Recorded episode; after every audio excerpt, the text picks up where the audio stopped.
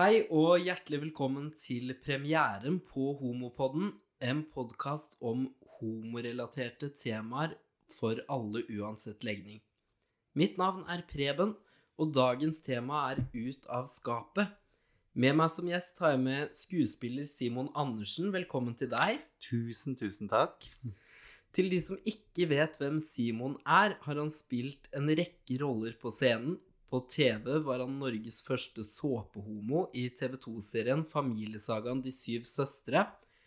Han har også vært med i parodiserien Det gode selskap og matlagingskonkurransen Fire stjerners middag. Ved siden av dette fire stjerners flatfyll. ja.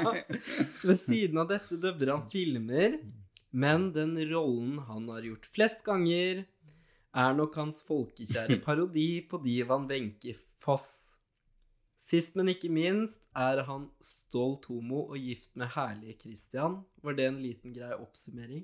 Ja, det var det. Det var eh, eh, Egentlig så var jo det omfavna jo alt, det. Så det var fint.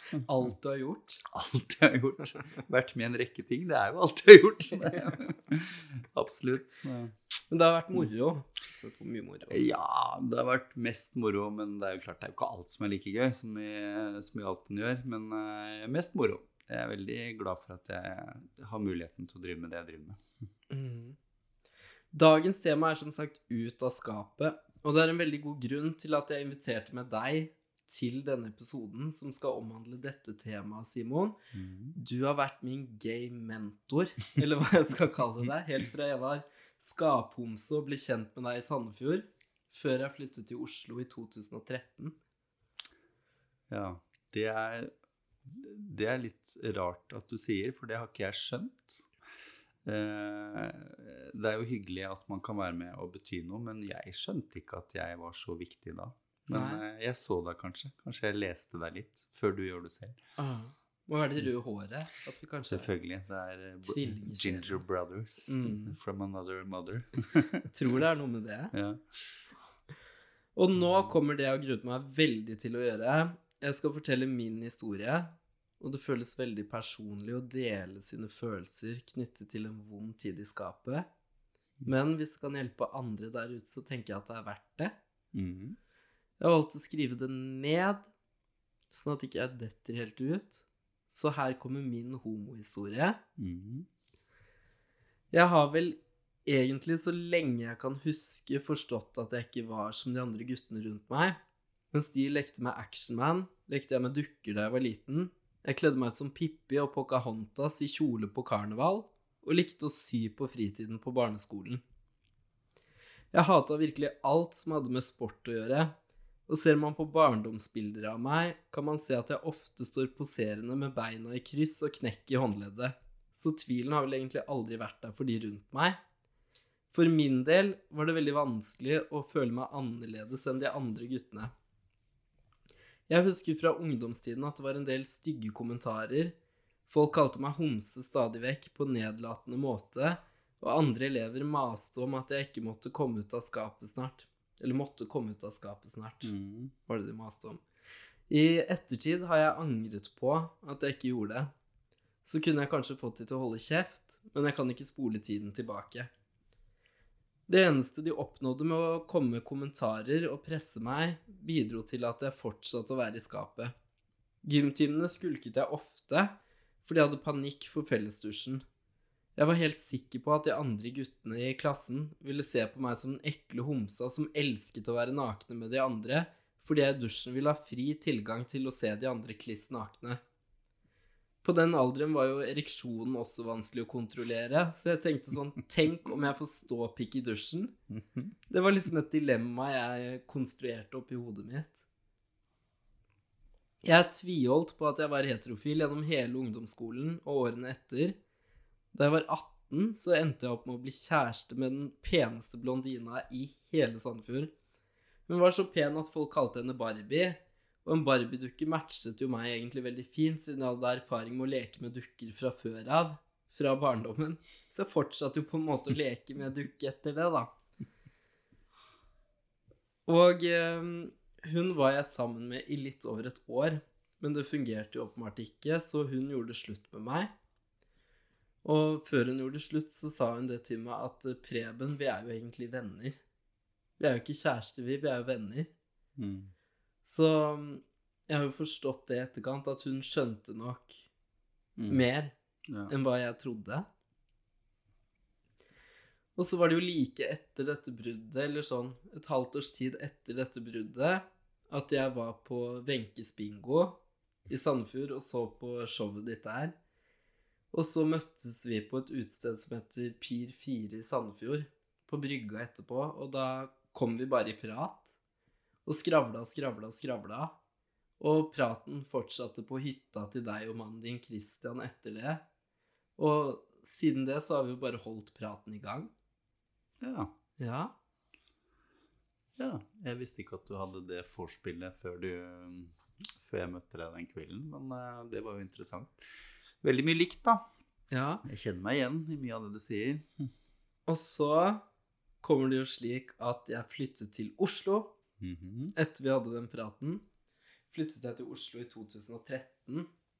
Og mine homovenner i Oslo da, sånn som deg, visste jo og skjønte jo at jeg var homo, selvfølgelig. Det var jo ikke noe tvil om det. Så var det jo sånn at eh, jeg valgte jo å komme ut av skapet først da jeg fikk min første guttekjæreste. Og det var i 2019. Så det er jo ikke lenge siden jeg kom ut for familien min og vennene mine. Selv om homovennene mine har visst det. Så det var først i 2019, da jeg fikk min andre kjæreste i livet, som var en mann. Etter å ha prøvekjørt en del fyrer opp igjennom. Det må jeg jo si at jeg har gjort. Mm. Jeg har jo prøvekjørt litt, men ingen fungerte før jeg traff han. Jeg trodde det fungerte, det gjorde jo heller ikke. Men i hvert fall, da jeg ble sammen med han, så satt jeg på takterrassen i studentboligen jeg bor i, og så utover Bjørvika. Og var så nervøs. Jeg helte i meg to store glass med hvitvin, og så skrev jeg en felles melding som jeg sendte til venner og diverse familie.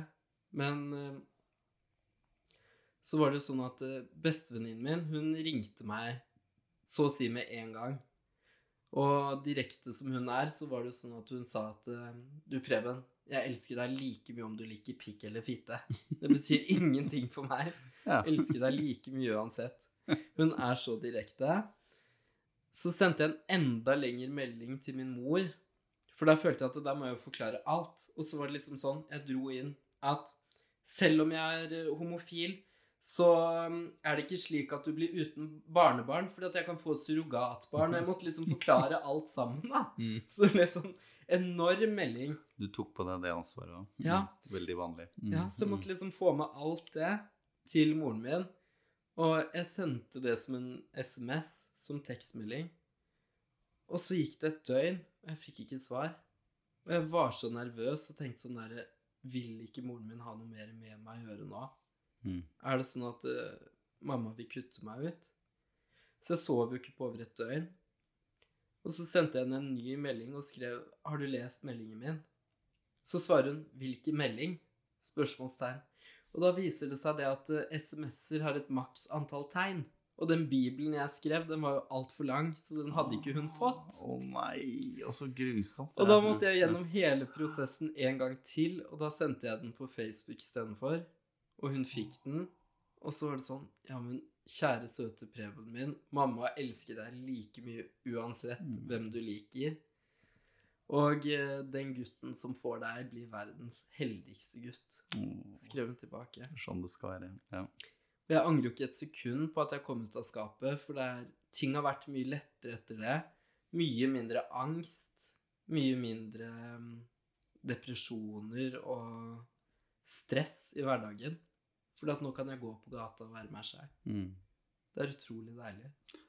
ja, man lager seg noen sånne bilder, sånne skrekkscenarioer, som eh, som regel eh, ikke er der. Eh, og man får det bedre med seg sjæl.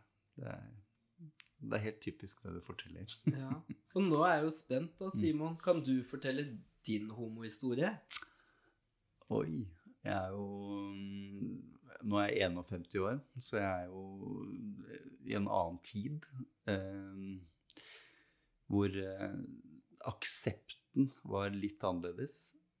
Men jeg hadde det egentlig ganske lett. Jeg var veldig heldig, for jeg var veldig Eller jeg søkte nok de miljøene. Jeg kom fra et lite sted, Larvik. Nabobyen til Sandefjord, hvor du er oppvokst. Jeg hadde en vennegjeng som var eh, litt eldre enn meg, hvor det var ganske mange skeive i alle varianter. Jeg søkte jo selvfølgelig til den gjengen. Um, og ble liksom adoptert inn som en slags maskot. Jeg var sånn han morsomme um, lille med rødt hår som lagde god stemning. Det var i hvert fall veldig viktig for meg å prøve å være han morsomme. Eh, og så begynte vi å reise til Oslo. Eh, vi haika mye for å spare penger, for da, tog, da sparte vi togbilletten, så hadde vi noe å kjøpe vin for når vi kom til Oslo. Hvor gammel var du da? 15. Mm. Og jeg hadde jo ikke noe Altså, jeg gjorde jo alle de tinga man ikke skulle gjøre, men eh, jeg hadde litt flaks. Og mye av flaksen var jo fordi jeg hadde et nettverk rundt meg som eh, passa litt på meg, og som eh, sa at det der bør du ikke gjøre, eller kanskje ikke du skal være med han hjem, eller et eller annet sånt. Fordi jeg ville jo oppleve alt. Jeg var jo I hodet mitt så var jeg jo voksen. Eh, Men det var jeg jo ikke. og så eh, Jeg kom, kom ut av skapet sikkert veldig sånn gradvis. For, for den gjengen der så var jeg jo allerede ute, men eh, så tok jeg det litt sånn pø om pø, tror jeg. Og hvis jeg snakker med de jeg gikk på skole med, så var det liksom Ja, vi skjønte det da, vi skjønte det da. vi skjønte Jeg tok, hadde ikke en sånn felles eh, på Facebook sånn som du hadde. Eller Var det Facebook på den tiden? Nei, det var, vi hadde ikke internett engang. Vi hadde fasttelefon, vi hadde ikke mobiltelefoner. altså Alt var jo tungvint. Så. Mm. Men jeg husker jo Jeg husker det der med å Altså bare det å møte noen. Du er 15-16 år og bor i Larvik. Det var ikke noe homoklubb i Vestfold, for å si det sånn. Det ikke, du måtte til Oslo, og så var det kontaktannonser. Det var jo ikke noe grinder. Det ikke, altså det fantes ikke. Men det var kontaktannonser i Dagbladet som kom hver lørdag. Og da måtte du svare på en kontaktannonse. Du måtte jo ikke, da, men og, og da tok det kanskje en måned før du fikk det retursvaret, for det skulle jo inn til en redaksjon. Og så fikk du retursvar, og, du hadde kanskje lagt med et bilde, og så skrev du en sånn fordelaktig historie om deg selv, og denne hunken på 27 som du hadde sendt eh, brev til på en kort kontaktannonse, for du betalte for hvert ord i kontaktannonsen, eller hvert bokstav, jeg husker ikke. Så de var ganske, ofte ganske korte, eh, fordi folk skulle spare penger. Det er jo ikke lengden på annonsen som har noe å si. Åh! men, eh, men da svarte man på det, og så kom jo denne hunken på 26 eller 27. Det kunne jo fort være en ikke fullt så hunk på 57. så, så, men eh, det var jo veldig, veldig spennende, selvfølgelig. Og jeg bodde jo hjemme hos mamma. Altså, jeg kunne jo ikke ringe hjem til meg. Det torde jeg jo ikke. Så da hadde jeg avtalt at vi skulle ha telefontid i telefonbokser, som var på toppen av noe som het Herregårdspakken i Larvik. Der var det telegrafstasjon, og der var det tre telefonbokser etter hverandre. Så det var sånn, du må ringe meg tirsdag kveld klokken 17.30 på det og det nummeret. Og da hadde jeg satt jeg i den telefonboksen og venta. Altså, sånn var det. Vi hadde ikke, det var ikke mobiltelefon. Altså, det var, det var et log logistikkstyr. Men eh, jeg fikk jo ligge i det, så det var Men det var jo det var helt annerledes enn det var nå. Det kan, du kan ikke sammenligne det. Det var eh, Bare tenk deg, altså Du er 15 år, du skal ut på et marked som du kanskje ikke har noe Men altså, alle vennene mine var jo ute på det samme markedet, men det var jo et marked som var åpent fordi det var damer, ikke sant. Eller var så her var, det var liksom forbudt også, da. På, for jeg skulle dra, måtte jo dra til Oslo og møte folk på klubber. Jeg, hadde, jeg var jo ikke gammel nok til å komme inn, så jeg hadde skaffa meg briller med vanlige glass i for å se eldre ut. Mm. Jeg hadde fake leg. Altså For et styr. Men uh, når jeg har sett på noen av de seriene som Altså It's a Sin og Tørka jente tårer uten hansker. Jeg kjenner meg veldig igjen. Det er veldig mye likt. Men eh, det gikk fint, da. Så Ja, for du er jo faktisk så ung at du har opplevd den tiden da aidsen kom. Eller så gammel. Ja. Prøvde eh, å være høflig, ja, ja, ja. Takk. Eh, ja, jeg er eh, Jeg var i hvert fall innom. Jeg skal ikke si at jeg var der akkurat da det starta. Det var jeg ikke. For jeg er ikke så gammel. Men eh, jeg var med på på den tida òg. Som gjorde at jeg engasjerte meg veldig da. Jeg engasjerte meg veldig i eh, eh, virusgruppa, som det het. Som var en sånn kulturgruppe som eh, eh, brukte humor eh, for å informere og samle inn penger til hiv- og aids-arbeidet. Mm. Og trivselstiltak for hiv-positive og aids-syke. På den tida så var liksom Altså, på Ullevål sykehus i Bergen altså, På sykehuset hvor folk som ble aids-syke, skulle ligge, det var jo Du skulle kanskje ligge inn på det sykerommet i måneder. Det var liksom ingenting. Ikke Ullevål sykehus i Bergen. Nei, nei, da var det Haukeland. Men Ja. eh, Ullevål sykehus her i Oslo Ja. nå. Det var liksom Det var, det var ikke TV-apparater, det var ikke eh, kunst på veggene, det var ingenting. Og det, for Det var folk ble jo helt sett, steril. Ja, folk ble sett på sånn spedalske, ikke sant. Det var jo, folk torde ikke å besøke dem på rommet engang. Så vi, vi var en svær gjeng som annet samla inn penger til, eh, til rett og slett eh, litt sånn trivsel og komfort. og Mm. uh, madrasser som var gode å ligge på. Det var sånne ting som var nedprioritert. Så, For det var jo den tiden hvor aids var en dødsdom. og virkelig. Eller hiv, da. Mm. Det Og det lå jo også bak hele tida, ikke sant? For det var, man var jo redd Det var liksom litt tabu og skummelt å komme ut og alt det der, og så hadde du det på toppen av det hele. mm. Som var jo ganske stigma. Det var jo Det var jo homsesykdommen, ikke sant. Så, Mm. Men nå sporer jeg sikkert litt av. Men jeg kom ut sånn gradvis, da. Både for eh, familie og venner. Mm. Mamma var kanskje den siste som jeg fortalte det til. Men eh, man sier jo egentlig at all mothers know. Alle mødre har skjønt det. Jeg vet ikke om mora mi hadde skjønt det. Nei. Men mora mi var eh, Jeg var veldig glad i mora mi. Det er jo ingen av de som lever nå, men hun var skal jeg si det? Hun var litt løsmunna. Ja. Så jeg tror det var en av grunnene òg. For jeg tenkte skjønte at hvis jeg fortalte det til henne, så ville alle vite det. Men hvor gammel var du? Eh, det gikk fra en periode fra jeg var 15 til jeg var 1920. Mm. Eh, og så kom jeg virkelig ut for hele Norge da jeg starta i, i den TV-serien som du nevnte, De syv søstre. For da Mm. var jeg, ble jeg plutselig rikshomo. Ja, der spilte du jo homo også. Ja. Og da var jo spørsmål nummer én fra journalister og alt, det var jo om jeg var homo i virkeligheten. Ja. Og da bekrefta jeg jo det. Så det var jo Og da ble jo jeg plutselig sånn homotalsmann. Og det var eh, eh, Det hadde jeg ikke helt sett for meg. På, kanskje jeg var litt naiv. Men eh, det var litt absurd. Plutselig skulle jeg være liksom det offisielle homotalerøret i Norge. Det var veldig rart. Fikk du mange menn etter deg på den tiden, da, eller? Eh, mange og mange Jeg fikk veldig veldig mye henvendelser, ja. Og det var jo, jeg fikk jo veldig mye henvendelser fordi at jeg var kanskje den eneste homoen som folk visste om. Mm. Så jeg fikk jo liksom Det er litt gøy, for jeg driver og rydder hjemme nå. Det er jo Det får man jo tid til om dagen. Det er jo ikke så mye annet å finne på. Nei. Så vi har jo koronarenska loftet vårt, og jeg har jo spart på alle brev som jeg har fått. Ja. Og det var veldig mye Et sånn standardbrev var sånn fra eh, fyr fra Vestlandet innerst i en fjordtarm som skrev til meg Jeg var den eneste homoen de hadde sett og hørt om og visste om. og Kan du være så snill å svare meg? Jeg trenger Folk var litt desperate, faktisk. Mm.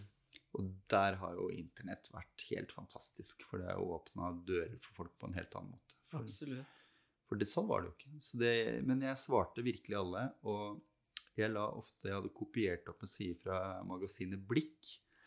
Mm. Som, eh, hvor det var en sånn side med Hvor det var lo lokale treffsteder og sånn. Så sendte jeg ofte med den sida. Mm. For å se her kan du henvende deg, her kan du kontakte. Og så har det jo gått så mange år etterpå, og jeg treffer jeg stadig folk på byen som kommer bort til meg og sier hei, du husker sikkert ikke meg, men du svarte meg den gangen. Og eh, det var det som skulle til på en eller annen måte. Og det er hyggelig. Mm. Hvis du skulle kommet med noe råd til de som sitter i skapet i dag, Mm. hva vil du råde de til da? Og sikkert det samme som jeg hadde sagt den gangen. Nå er ikke jeg eh, Hedvig Montgomery-psykolog, men eh, eh, allier deg med noen gode venner, hvis du har det. De fleste har én god venn. Snakk med den. Og så tar du kontakt med Hvis det er noe du liker, eller hvis altså, tenker jeg syns det er kult å spille håndball eller volleyball eller et eller annet sånt noe, så er det Nå snakker jeg jo som alle bor i Oslo, jeg vet jo at folk ikke gjør det. Men det er liksom Det er så mange tilbud, da. Det så, og der kan du få deg venner. Plutselig så er det strikkegruppe for homser i Oslo, ikke sant. Det er jo Kontakt venn, eh, si det til vennen din, venninna di, og så tar du kontakt med en sånn gruppe, og så eh, tar du det derfra. Og så er det som regel ikke så skummelt som du tror. Nei. Og som jeg sa i sted, så er du kanskje mest kjent for din parodi på divaen Wenche Foss. Og hvis det var Wenche som satt her nå, ikke du, hva tror du Wenche ville sagt? Ja, jeg tror i grunnen at hun hadde sagt at alle må være som den de er, og alle må bare stå på, og det er i grunnen ikke noe å være redd for, altså, for eh, hun har, eller jeg har, eller hun eller venn, ja, det er litt komplisert akkurat det der nå, men vi har jo sagt det at det står jo det står jo om det i Bibelen, til og med til mann og kvinne skapte han oss. Det er, det er altså, du, akkurat som du ville gjøre det selv. Og jeg gikk jo ut, eller hun venninnen min, da, hun gikk jo ut på Youngstorget under homodagene, som det het den gangen, var før pride. Og så gikk hun ut, og så skulle hun åpne dette arrangementet, og så står hun på Youngstorget, og så sier hun Du, jeg vet akkurat hvordan dere har det, altså, for jeg har nemlig hatt en mongoloid sønn. Så ja, det er rom for alle. Stå på, vær den du er. Det ordner seg nok. Skål da, dere. Hei. Jeg liker at du har um, mimikken inni ansiktet òg. Kommer automatisk. Ja. Mm. Men du ble jo også um, Du ble jo også venn med Wenche Ja. underveis før hun døde. Hvordan var det Wenches forhold til det med homo var? Veldig ukomplisert. Altså, Wenche var jo et teatermenneske og et Altså, hun var jo alt.